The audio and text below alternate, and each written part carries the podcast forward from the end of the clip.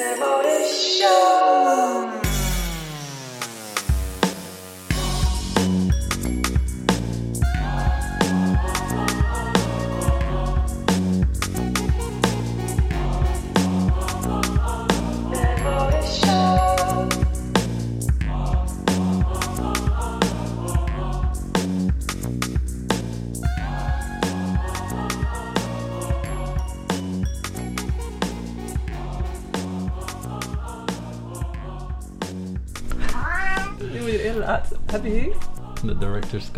Welkom luisteraars bij een nieuwe aflevering van de Modeshow.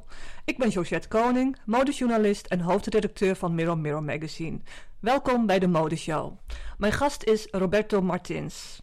We gaan het hebben over de nieuwe mode-expositie Grand March en die is vanaf 2 december te zien in het huis Willet Holthuizen in Amsterdam. Roberto die is eh, mode- en popcultuurconservator van het Amsterdam Museum. Nou, welkom. Hallo, welkom. Dankjewel. Kun je meteen iets vertellen over je functie als mode- en popcultuurconservator? Dat klinkt bijzonder. Ja, dat klopt. Eh, normaal gesproken zijn, hebben conservatoren vaak eh, de titel mode en textiel of mode en kostuums. Ik denk mijn insteek eh, van mode en populaire cultuur is dat ik heel erg geïnteresseerd ben in mode vanuit een sociaal-maatschappelijk perspectief. Dus hoe mensen betekenis geven aan mode. En ehm, daarin vind ik eh, mode heel interessant in een hele brede context. Dus voor niet alleen de, de grote couturiers en de grote namen, de Yves Saint Laurent, maar juist ook hoe, ehm, hoe mensen trends volgen en wat dat zegt over de tijd. Hè? Dus dat het niet alleen maar kleding is, maar bijvoorbeeld ook grills of dat het een, een bonnet Grills, je bedoelt in, in, de mond van mensen, Ah, hè? precies, ja, een grills, Ja. dat is de, de gouden tanden of een, of een, Ja. een plaat die je eh, op je tanden zet. Ja. Of, eh, dus eigenlijk eh, de, meer in de breedte. Dus ik vertrek wel, populaire cultuur is natuurlijk heel, groot eh, en heel breed, maar ik vertrek wel heel erg vanuit de modeperspectief. Ja, en dan leg je verbanden met het verleden, heden, alles. Precies. alles. En verzamel daarin ook meer, eh, ja, dus niet alleen maar grote eh coutuurstukken, maar ook soms juist meer kleine, Ja. ja, trendgevoelige dingen. Ja. En je werkt voor het Amsterdam Museum. Werk je daar al lang? Ik werk er nu twee jaar. En is dit je eerste grote expositie voor eh, het Amsterdam Museum? Nee, ik heb eh, hiervoor ehm, eh, de tentoonstelling Continue Thread eh gecureerd samen met modeontwerpers Tess van Zalingen en Karima Douchy. En die ging dan over de kracht van handwerktechnieken.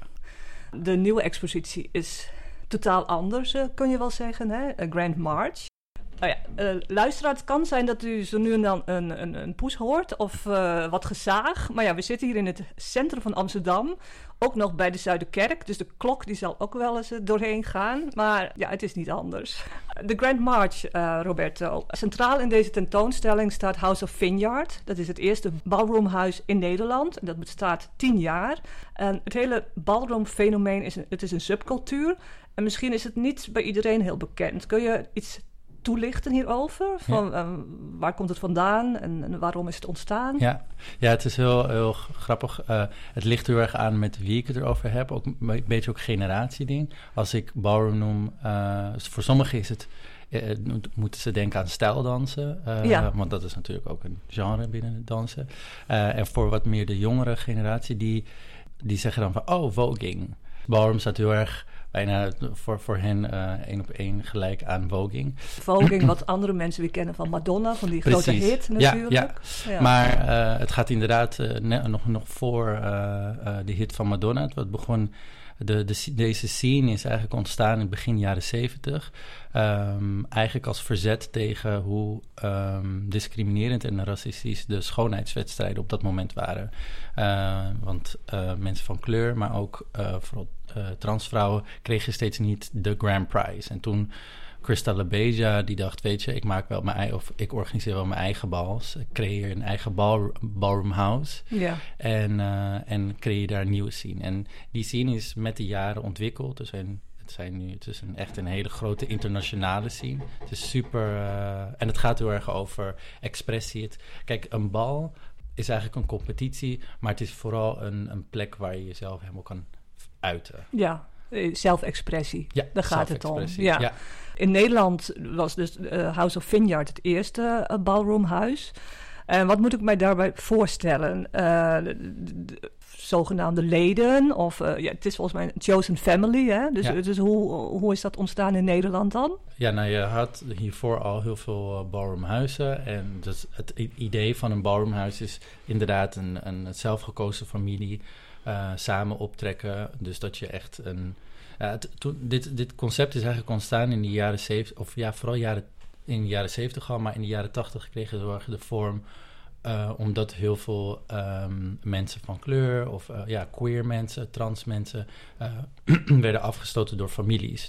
Die kwamen ofwel op straat of die hadden geen plek. En op die manier kon je als huis samenkomen ja, het, het, was toen in die zin ook nog echt een fysieke huis waar je uh, uh, nou ja, een nieuwe familie ja. creëerde. Maar dat was wel in Amerika dan, hè? Heb je het over de ja, jaren 70, precies. 80? Dat dus. was in Amerika. Nu is het een huis, heeft, uh, heeft het een andere vorm. Het heeft niet een specifieke locatie. Het heeft hm. nog wel hetzelfde, dezelfde structuur. Dus uh, er is een mother, en er is een, vaak ook een father. Uh, en dan daaronder uh, heb je allemaal kids die onderdeel zijn van ja. een ballroomhuis. En, en wie is de moeder van House of Vineyard? Ja, of de, de vader? De mother, de, en ze heeft de officiële titel The Legendary Mother Amber Vineyard. Ja. Um, en die heeft het huis ook opgericht. En die, die uh, zelfgekozen familieleden, um, hoe komen die bij zo'n huis dan? Ik denk dat het is ook heel erg een stijlkeuze. Dus uh, elke huis heeft weer een andere uh, stijl. Oh, nee. um, een stijl in de zin van... In de zin van, de ene is heel erg bekend meer om... dat het heel erg gaat om... Bijvoorbeeld het, het, twisten en turnen van uh, genderassociaties. Dus dat je daar heel erg mee speelt. Dat is bijvoorbeeld bij House of Vineyard heel erg het geval. Ja. Ja, en dan moet je je aanmelden of gaat de gesprekken starten. Ja. Maar je kan, je, kan niet, je kan niet zomaar naar binnen komen. Dus nee. de mother en de vader moeten ook een, een, goed gevoel hebben bij diegene die zich dan aansluit. Ja. Je moet echt passen in een, in een familie en in een groep eigenlijk. Ja. Dat, dat weten zij natuurlijk. En ook wel laten zien dat je echt geïnvesteerd bent in de cultuur en dat je ja. uh, nou, echt betrokken bent. Hoe kwam je op het idee voor de expositie? Ja, goeie. Um, wij um, programmeren al een aantal jaar tijdelijke tentoonstellingen in Huis Willet Holthuizen. Ja. Uh, dat is een van onze locaties ja. van het Amsterdam Museum. Uh, 19e eeuw ging, uh, ingevuld. Um, en met die tijdelijke tentoonstellingen proberen we steeds nieuwe um, narratieven te koppelen aan een verhalen in het huis. Om zo ook vanuit hedendaagse perspectieven te kijken naar wat het huis ons ook nog meer kan vertellen, maar ook hoe het huis ruimte kan maken voor nieuwe geschiedenis. En um, in dit huis heeft uh, het echtpaar uh, Louisa en Abraham, uh, midden 19e eeuw, een hele chique grand salon laten ja. vormgeven, waar ze heel veel gekostumeerde balfeesten organiseerden. Hmm.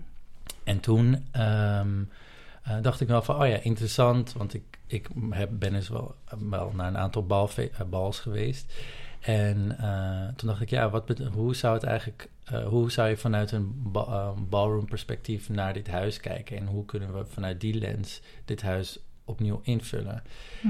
nou, was het dus dat dit jaar precies tien jaar geleden was dat het eerste bal werd georganiseerd. En dat volgend jaar House of Vineyard precies tien jaar bestaat. Dus ja. toen dacht ik, let's go. Ja, dat uh, had je goed bedacht. Goede timing, hè? Um, Oké, maar dan heb je dat idee en dan moet natuurlijk die, die tentoon, tentoonstelling vorm worden gegeven, moet ingevuld. Het is een modetentoonstelling. En ik heb wel begrepen dat de 30 uh, ja, tussen haakjes familieleden uh, zelf de expositie ook hebben samengesteld. Want je hebt ze laten kiezen uit de museumcollectie. Dat, en dat is een enorme collectie met historische stukken, maar ook uh, stukken van uh, hedendaagse stukken mhm. natuurlijk en, en alles daartussenin. Ja. Wat moet ik mij nu daarbij voorstellen? Je ging met die 30 mensen naar het archief en die liet je los. en ze werden helemaal wild. ze werden sowieso wild, maar we, um, we hebben toen, uh, nou eigenlijk het proces... Um, dus, dus die ballroom space of die balzaal was eigenlijk het startpunt, maar op een gegeven moment um, had, hadden we eerst heel veel gesprekken van... oké, wat zou het betekenen? Wat, een huis in een huis.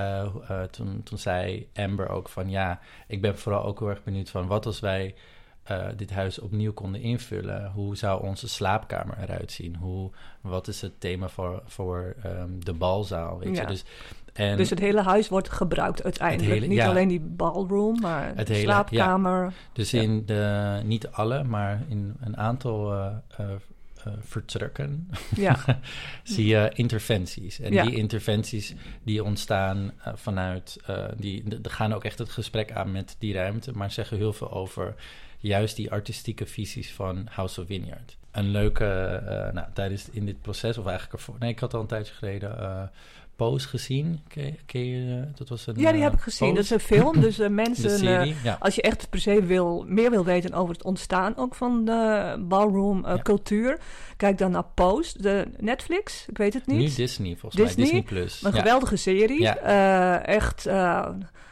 ja, heartbreaking, Ja. maar emotioneel. En je krijgt echt een heel goed inzicht uh, hoe zo'n huis uh, ja, ontstaat en functioneert. Precies. Met, met alles, met de jaloezie, het verdriet, uh, de, de, het plezier. Ja. Echt Ja, geweldig. En, Dus- en wat ik heel, heel inspirerend vond, ook als nou, iemand die in een museum werkte, in een van de eerste scènes, dan is. eh, ehm, ehm, ik weet niet of ik het nu goed zeg. House of Extravaganza? Nee. ehm, House of.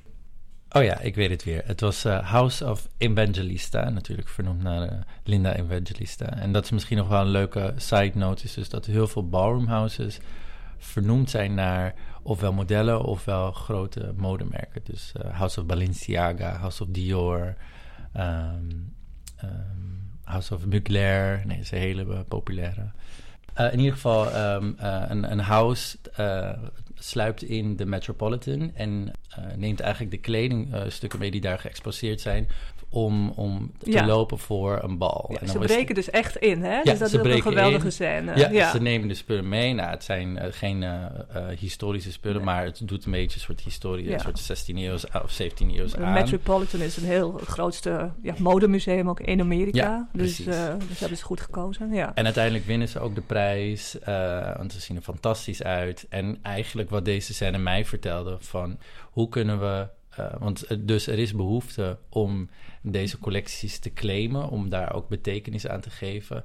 Natuurlijk kunnen we de kleding niet uitlenen en eh, door mensen laten dragen. deze collecties, dan bedoel je de collecties. De museale, de museale collecties. collecties, Ja, ja. precies. Dus, eh, Want de- dan komen we nu bij het punt, wat? Jullie, ze gingen los Ja, en ze gingen, waar ging de interesse naartoe? En, en wat niet, bijvoorbeeld?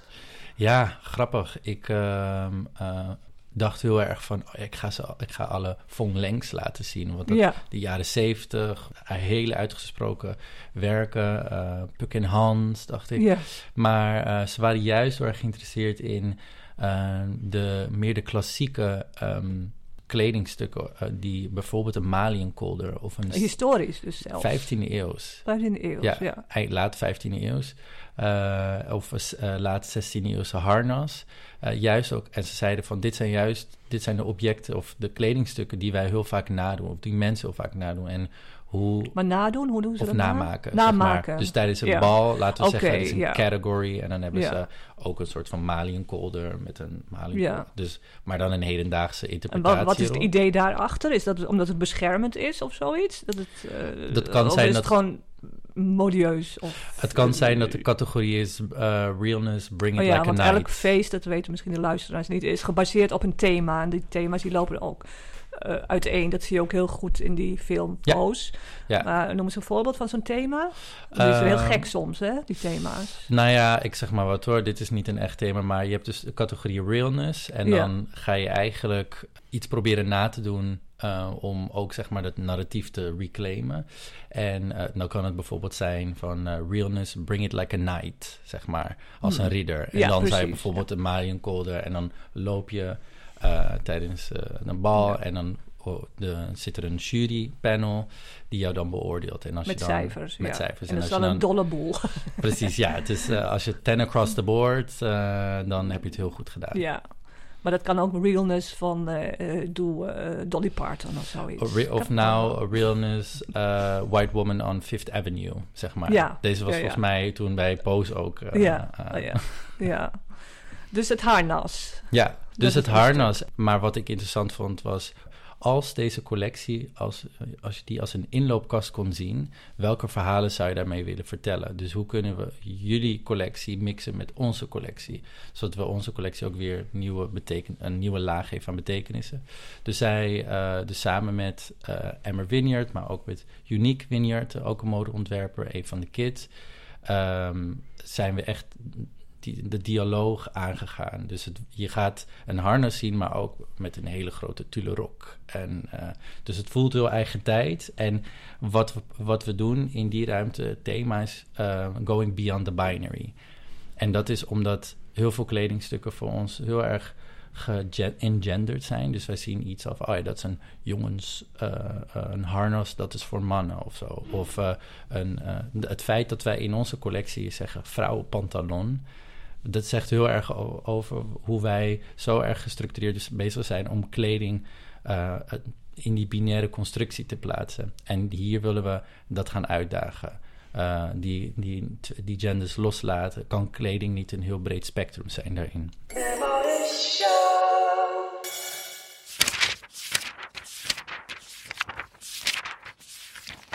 Even dit interview voor een boeken Tip, tip, tip, tip, tip, tip, tip. Uh, Roberto, er is een gloednieuw modeboek uit van Iris van Herpen. Dat heet Sculpting the Senses. En het komt uit naar aanleiding van de pas geopende overzichtstentoonstelling in Parijs van Iris. In Musée des Arts Décoratifs. En je weet ook, daar hebben alleen maar modegoden en modegodinnen in ge, uh, uh, geëxposeerd. Dus dat is heel, een hele prestatie.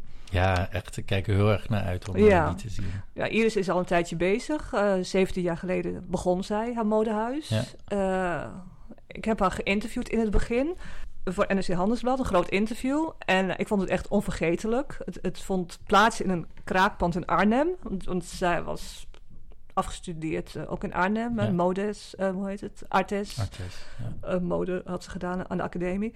En nou ja, geen geld, dus die trok een beetje van kraakpand naar kraakpand. Dus ik zat in een ruimte. En ja, Iris is een heel is heel frail. Dus omringd door enorme grote van toen al van die sculpturale stukken, gemaakt van paraplu-baleinen en, en oh, alles. Wow. En dag en nacht ja. werkte natuurlijk. Ik heb ontzettend veel uh, waardering voor haar. Het is een enorme doorzetter geweest. En nog steeds, of toen dus al. Want ja, begin er maar eens aan met, met die ambitie op school had ze het niet heel fijn, want ze zat op Arn in Arnhem uh, met uh, dat verkeerde nogal in een minimalistische fase onder een hoofddocent. Dus zij was toen best al wel uh, voor, voor hun barok bezig. Oh, ja. Ik moet zeggen, de afstudeercollectie was ook niet heel super. Maar ze heeft, daarna is ze helemaal ontpopt. Echt, mm -hmm. uh, alles kwam eruit, als het ware. Dus in het begin was het nog niet zozeer de mix van technologie en vakmanschap. Maar was het vooral vakmanschap ja. of ambacht, handwerk. Haar handelskenmerk is natuurlijk die technologie mixen met uh, vakmanschap. En heel slim en verstandig dat ze ook uh, samenwerking aangaat met kunstenaars, choreografen, maar ook architecten. Dat geeft haar werk uh, gelaagdheid. En ja, ze verdiept zich ook echt in haar klanten, dus vrouwen. Want ze vertelde mij eens, ik heb haar vaker geïnterviewd, dat ze echt een hekel heeft aan mannelijke ontwerpers. Die dan denken van nou zo, we gaan de, de vrouwen even leuk en sexy aankleden. Dus uh, dan hoef je niet te zijn bij haar als je iets wil. En de laatste jaren spreekt ze zich ook steeds vaker uit over het feit dat ze betreurt dat grote modehuizen nog altijd worden geleid door mannen. En, en, die de grote lijnen bepalen. Dus dat is ook heel fijn dat ze dat doet natuurlijk. Ik heb dus geen, niets anders dan lof over haar. En uh, Roberto, kun je hier nog iets aan toevoegen? Ja, ja, nee, ik heb natuurlijk ook heel veel lof voor haar. Ik denk dat wat, wat zij zo mooi kan doen is, is haar eigen creatieve visies en haar um, haar visies als maker vertalen naar mode dat weer aan alle kanten in relatie staat. Bijvoorbeeld met architectuur, met uh, uh, toegepaste kunst, met 3D, uh, eh, door, door 3D te modelleren. Oh, we hebben een nieuwe kat. ja. En, eh, maar dat vind ik dus zo, het, zo sterk. Um, het is heel erg interdisciplinair. ja. En super futuristisch. Ja. Um, en ik heb het wel eens opgesteld ook. Ik, heb, uh, he, mijn, ik begon mijn museumcarrière bij het uh, Centraal Museum. En die heeft natuurlijk de eerste uh, tentoonstelling gemaakt van, over Iris van Herp. Heeft Nienke Bloemberg gedaan.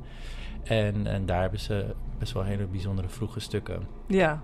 En dat Ja, was ja. echt heel bijzonder om... om Misschien eh, ook wel zo'n stuk eh, met die, eh, die paraplu-collectie, met die Berlijnen. Het zou best wel kunnen. Kan wel, Ooit ja. getoond op, eh, op Amsterdam Fashion Week, denk ik. Maar ik, ik leen het ook wel eens voor Mirror Mirror. En Ja. dan kom je daar en nou, het is een soort bijenkorf. Er lopen allemaal eh, mensen rond. Ja. Die werken allemaal... Meerdere, merken, die werken, meerdere mensen die werken aan één stuk. Ja. Dus eh, het is onvoorstelbaar. En, en bepaalde dingen worden ook echt niet uitgeleend, want die zijn echt te kwetsbaar. Ja, Maar ja, het, het, is uniek in, Ja. in, de, in de modegeschiedenis. Ze heeft de modegeschiedenis al geschreven natuurlijk. Maar wil je dus alles weten, eh, koop dan dat prachtige boek. Iris van Herpen, Sculpting the Senses. Het is eh, 256 pagina's dik, gebonden en het kost 65 euro. Dat vind ik een hele redelijke prijs voor zo'n mooi naslagwerk. Mhm. Dat is een geweldig kerstcadeau. ja. En de uitgever is Terra Lano. En bezoek als je tijd hebt ook vooral de expositie Sculpting the Senses. Dus in Parijs. En dat kan tot 28 april. Tijd genoeg. precies.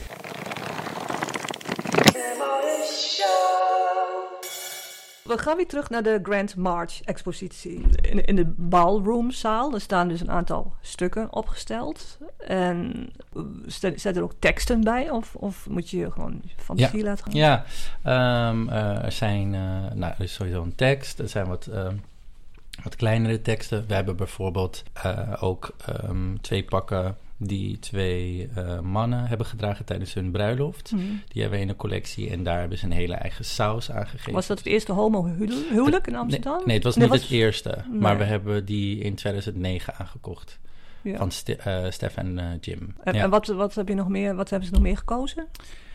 Ja, ook, ook objecten die wij nooit eerder hebben getoond. Zoals een, een gamp. En dat is een soort front die je in begin 20e eeuw als vrouw droeg. Dus dat is een soort van dasje die je aan de voor- voorkant eh, Mhm. eh, voor- ja, als kraag eigenlijk gebruikte. Ja, een soort jabot? Of is dat, Ja, een soort jabot. Ja, Ja. dus dat, dat die, er is er bijvoorbeeld één die we nooit hebben getoond. Dus op die manier laten we ook nieuw of objecten weer zien Ja. die eh, normaal En, maar maken zij ook zelf eh, Ja. kleding? Die Ja. wordt ook geëxposeerd uit hun dat- collectie? En dat vond ik dus zo bijzonder. Want we hebben, eh, als we nadenken over mode, dan zit, denken we, nou ja, zoals ik in het begin zei, denken we heel vaak over couturiers. En, maar zoveel mensen maken mode. En zo, het mode is zo breed daarin. En bijna iedereen in, die meedoet aan een bal. Eh, eh, maakt zijn eigen kleding, maakt zijn eigen kostuums. Dus je bent echt geïnvesteerd in dat ambacht van kleding maken. Dus Amber maakt haar kleding, uniek. Eh, dus iedereen is, nou ja, iedereen die tijd heeft natuurlijk, maar is zo, ehm, heeft ook daarin een artistieke visie. Ehm, en daar laten we ook wel wat stukken van zien, inderdaad. Het is dus in het Willet Holthuizen, Ja. ehm, waar Abraham en Louisa hebben gewoond als een van de bewoners, want er hebben meer, meerdere mensen gewoond. Ja. Zit daar ook nog een verband? Tussen Louisa. ja, ik weet niet. Waren die buitensporig bezig met kleding of identiteit? Of Ja, nee, nee, nee. Ja, het sterker nog, eh, en dat vond ik ook zo bijzonder. Zij hebben dit huis eh, in rond 1850, 1860 in die jaren ehm, helemaal ja, omgetoverd tot het interieur die eh, tot een soort van de laatste mode van interieur. Dus echt door, door Franse makers en architecten eh, de ruimtes ingevuld. En het ging, het was natuurlijk die Louis XVI-stijl, dus echt extravagant, ehm, blauwe muren met gewoon eh, more is more. En dat, Ja. dat is ook heel erg ballroom. Ballroom gaat echt over pailletten, over paillet. Nou ja, niet alleen daarover, maar het gaat heel erg over die onbevangen zelfexpressie. En ik, had het, ik heb heel erg het gevoel dat Louise en Abraham daar ook echt voor stonden van echt eh, een, voor een stijl staan en, en eh, dat willen ja, claimen.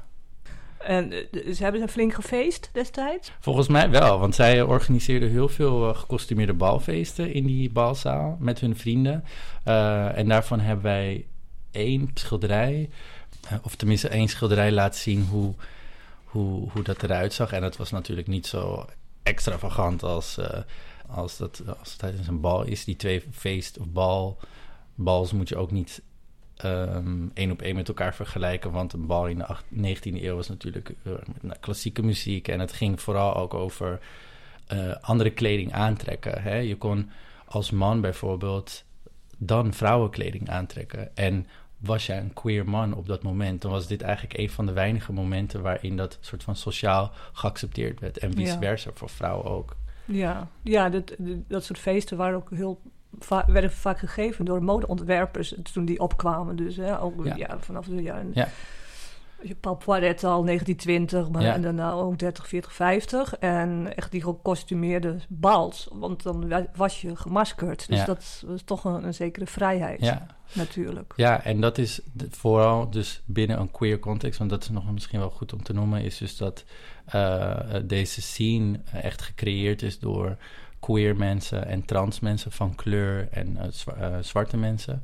Ehm, eh, dus het, het is, dat, dat legt heel erg de toon van eh, deze scene. En, maar indirect is dit verbonden aan die gekostumeerde bals waarin er heel veel gecrossdressed werd. Ja. Dus in, eh, in Nederland waren we best wel sober daarin, hoorde ik, maar, of las ik.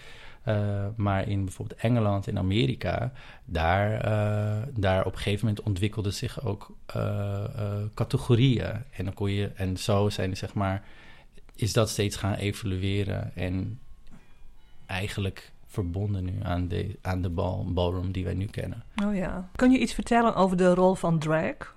Ja, voor heel veel mensen kan dat een beetje op elkaar lijken. Ik denk dat het verschil is, is dat drag heel erg gaat om een personage. Het gaat heel erg over entertainment ook wel. En even iemand zijn, zeg maar. Het gaat over een alter ego. ehm, of een andere versie van jezelf zijn.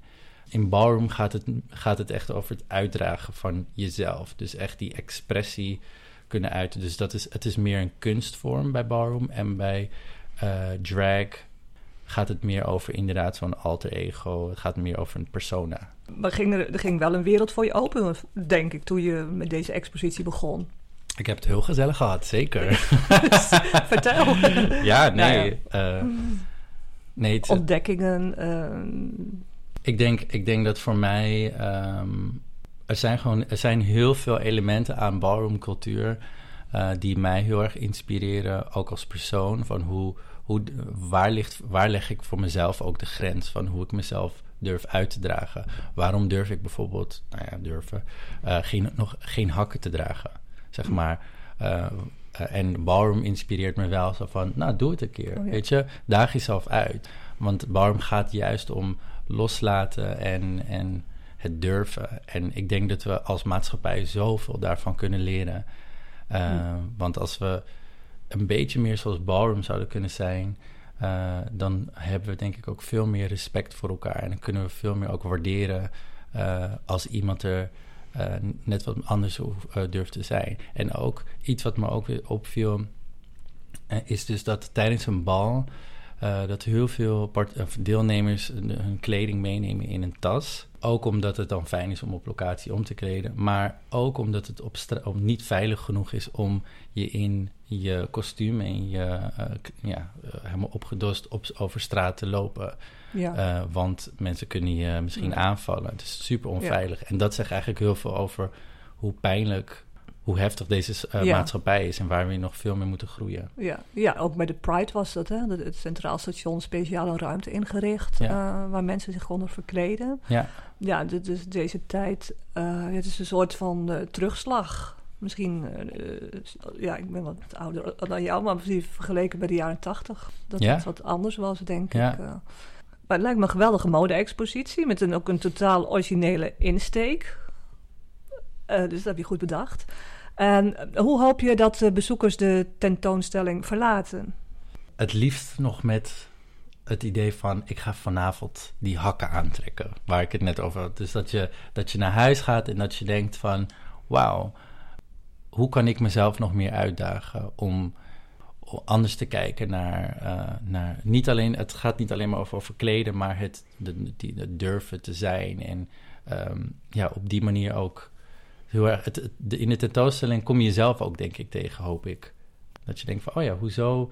Het is, om, een voorbeeld te noemen, we hebben in de slaapkamer, heet, uh, de titel van de interventie is Look at me, bitch. Wat echt een hele uh, toffe uh, contrast is, want het is echt een hele chique 19e-eeuwse kamer. Maar in die, wat we steeds doen, is dat we uh, of House of Vineyard laat zich inspireren door het thema van de ruimte en vertaalt het dan naar hunzelf, maar geeft het dan ook weer terug. Dus nou, slaapkamer gaat heel erg over het lichaam aankleden, uitkleden. Je, in die slaapkamer ging je ook daar in bad. En dat is ook waar je seks hebt. Uh, dus nou, lichaam staat centraal. Het bevrijden van het lichaam, waar heel vaak nog steeds zulke...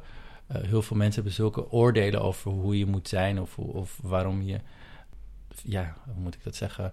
Uh, er zijn heel veel waardeoordelen over lichamen. Even heel simpel gezegd. En sex siren is een category waar die Amber heel erg heeft gepopulariseerd en waar zij ook uh, heel bekend om is geworden. En daar gaat het heel erg over het reclaimen van je lichaam en echt seksappeal uitdragen met soms alleen een blik. En echt, zeg maar, het, het ownen van het en dat de, de, oor, uh, dat de waarnemer niet jouw lichaam oont, maar dat jij je lichaam ja. oont.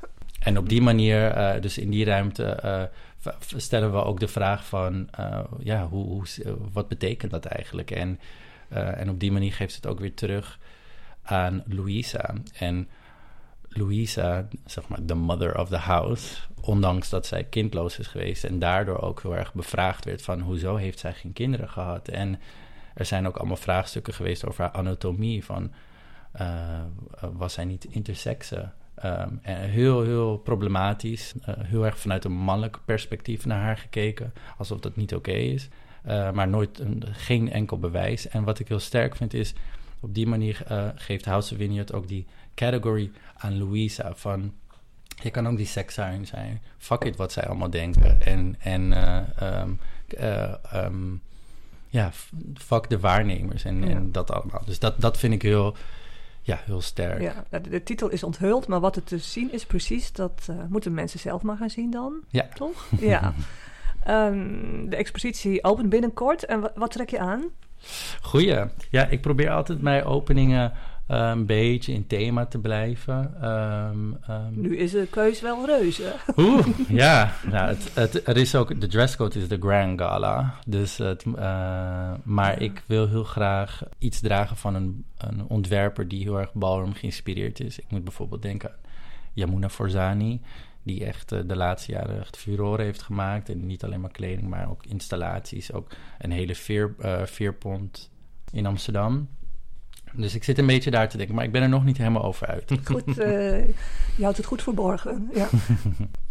en nou, veel dank Roberto voor je aanwezigheid en je verhaal. En nou, misschien wil je vaker mijn gast zijn, dus dat zou ja, leuk zijn. graag. Zou ik leuk vinden. Ja, Genoeg om over te vertellen. De expositie Grand March die is in het huis Willet Holthuizen in Amsterdam. Aan de Herengracht, nummer 605. En die duurt lekker lang, 26 mei. Tot 26 mei dus. En kijk ook even online, daar staat een publieksprogramma. En kijk dan op www.museumamsterdam.nl.